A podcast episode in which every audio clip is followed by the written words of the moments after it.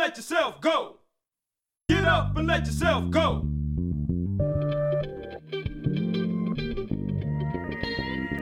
Dette er en podkast fra Tro og tvil. I denne astronomipodkasten vil vi ta for oss ting som har med verdensrommet, astronomi og kosmologi å gjøre. Mitt navn er Jon Arne Carstensen.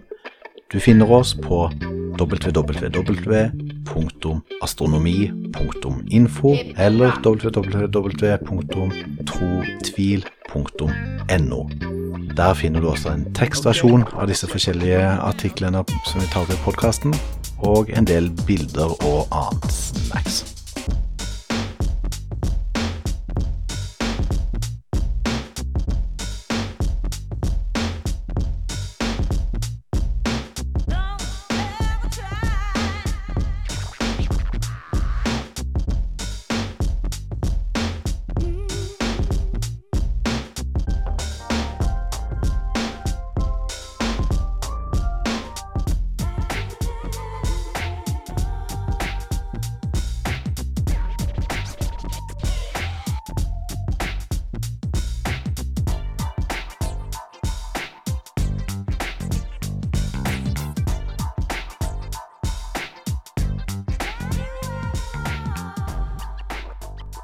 I dagens episode av Astronomi på norsk skal vi se på hva de tenker om hva som skjedde i selve begynnelsen med det Big Bang. Med vår nysgjerrighet har mennesket alltid grubla over alfa og omega, begynnelsen og enden. Vi finner mange skapelsesmyter i religionshistorien, og Einstein med flere brukte relativitetsteorien til å komme litt nærmere noen av disse spørsmålene. Og på 50- og 60-tallet fikk vi Big Bang-teorien som til slutt konkurrerte ut Steady State-modellen, som jeg har vært innom tidligere. I dag regner kosmologene med at universet har eksistert i 13,82 milliarder år, og en opererer der med en feilmargin på pluss-minus 200 millioner år. Siden universet har eksistert i 13,82 milliarder år, har lyset heller ikke rukket å nå lenger ut enn dette. Det betyr altså at vi kan ikke observere noe lenger ut enn det. Om en iberegner den teoretiske inflasjonen i starten som jeg var inne på i forrige podkast, så regner jeg nå med at universet kan være 156 milliarder år Nei, unnskyld, 156 milliarder lysår i utstrekning. De fleste astronomer gir sin støtte til grunnelementene i den såkalte Big Bang-teorien. Det er egentlig ikke en teori om skapelsen av universet, men om evolusjonen i universet fra et brøkdel sekund etter skapelsen. Den går altså ut på at alt først var konsentrert i et ufattelig lite område med en enorm massetetthet og energi, for deretter å ekspandere lynraskt i alle himmelretninger. Med Big Bang starta en esing av selve tidrommet som energi og masse er i, og denne utvidelsen, veksten, pågår fremdeles. På grunn av denne esinga så fjerner de aller fleste galakser seg fra oss. Dette kan lettest illustreres gjennom å tenke at vi tegner noen punkter på en ballong som vi blåser opp, og prikkene er materie som stjerner, og ballongen er selve tidrommet. Universet var først da en liten prikk med en ekstrem tetthet og varme, og som nevnt i forbindelse med sorte hull, så har vi ikke en fysikk som beskriver de fysiske forholdene i Big Bang. Men mange fysikere antar at vi her har en så ekstrem tetthet at vi snakker om en ny tilstand av materie, som godt mulig er en kvarkesuppe, eller endog kompakte strenger. Kvantefysikken gir en ramme på tetthet og størrelse, og vi antar det var en massetetthet på 10 opphøyd i 94. potens gram per kubikkcentimeter. Diameteren hos singulariteten ved starten av Big Bang antar en var Planck-lengden. Det er altså 1,6 ganger 10 i minus 33 potens. Da universet knapt var en milliondel sekund gammel, brøt gravitasjonskraften ut, og vi fikk en voldsom ekspansjon som mange i dag tror var en hyperinflasjon, og selve rommet utvider seg raskere enn lysets hastighet. Dette gjør at universet har en så lik temperatur som det har, jf. målingen av den kosmiske bakgrunnsstrålinga. Samtidig utgjør de ørsmå forskjellene i kvantefluktuasjoner helt i starten. Da snakker vi om tidsperioden 10 i minus 40 sekunder etter Big Bang. De forskjellene utgjør det som etter hvert er de tettere strukturer med mer masse, hvor vi finner galakser og de store områdene vi har, med mindre materie.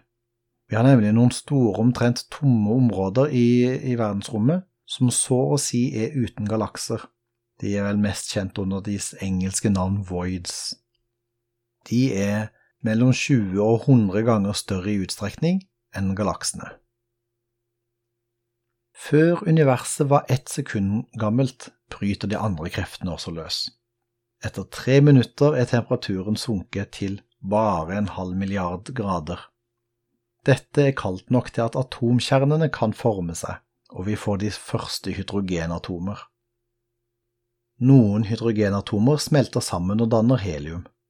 Det er fremdeles så varmt og tettpakka at fotoner ikke kan bevege seg fritt, altså lyspartikler. De interagerer med andre partikler hele tida.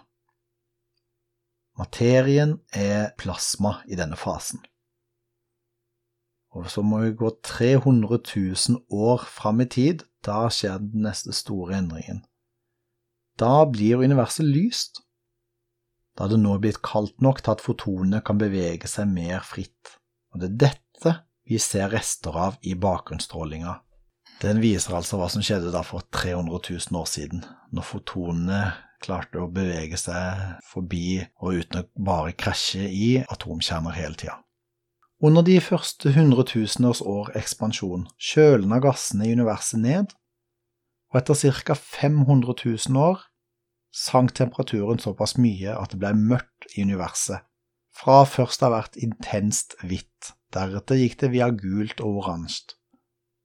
Det var synlig lys så lenge temperaturen var på vel 1000 grader celsius, mens når den sank under dette, så ses kun energien som varmestråling. I denne mørke perioden samla kjempeskyer av gass seg, og ettersom det ble tettere, fikk også tyngdekreftene mer tak i dem, og vi regner med at mellom 100 og 500 millioner år etter Big Bang ble noen av klumpene så tette og oppheta at de begynte å lyse.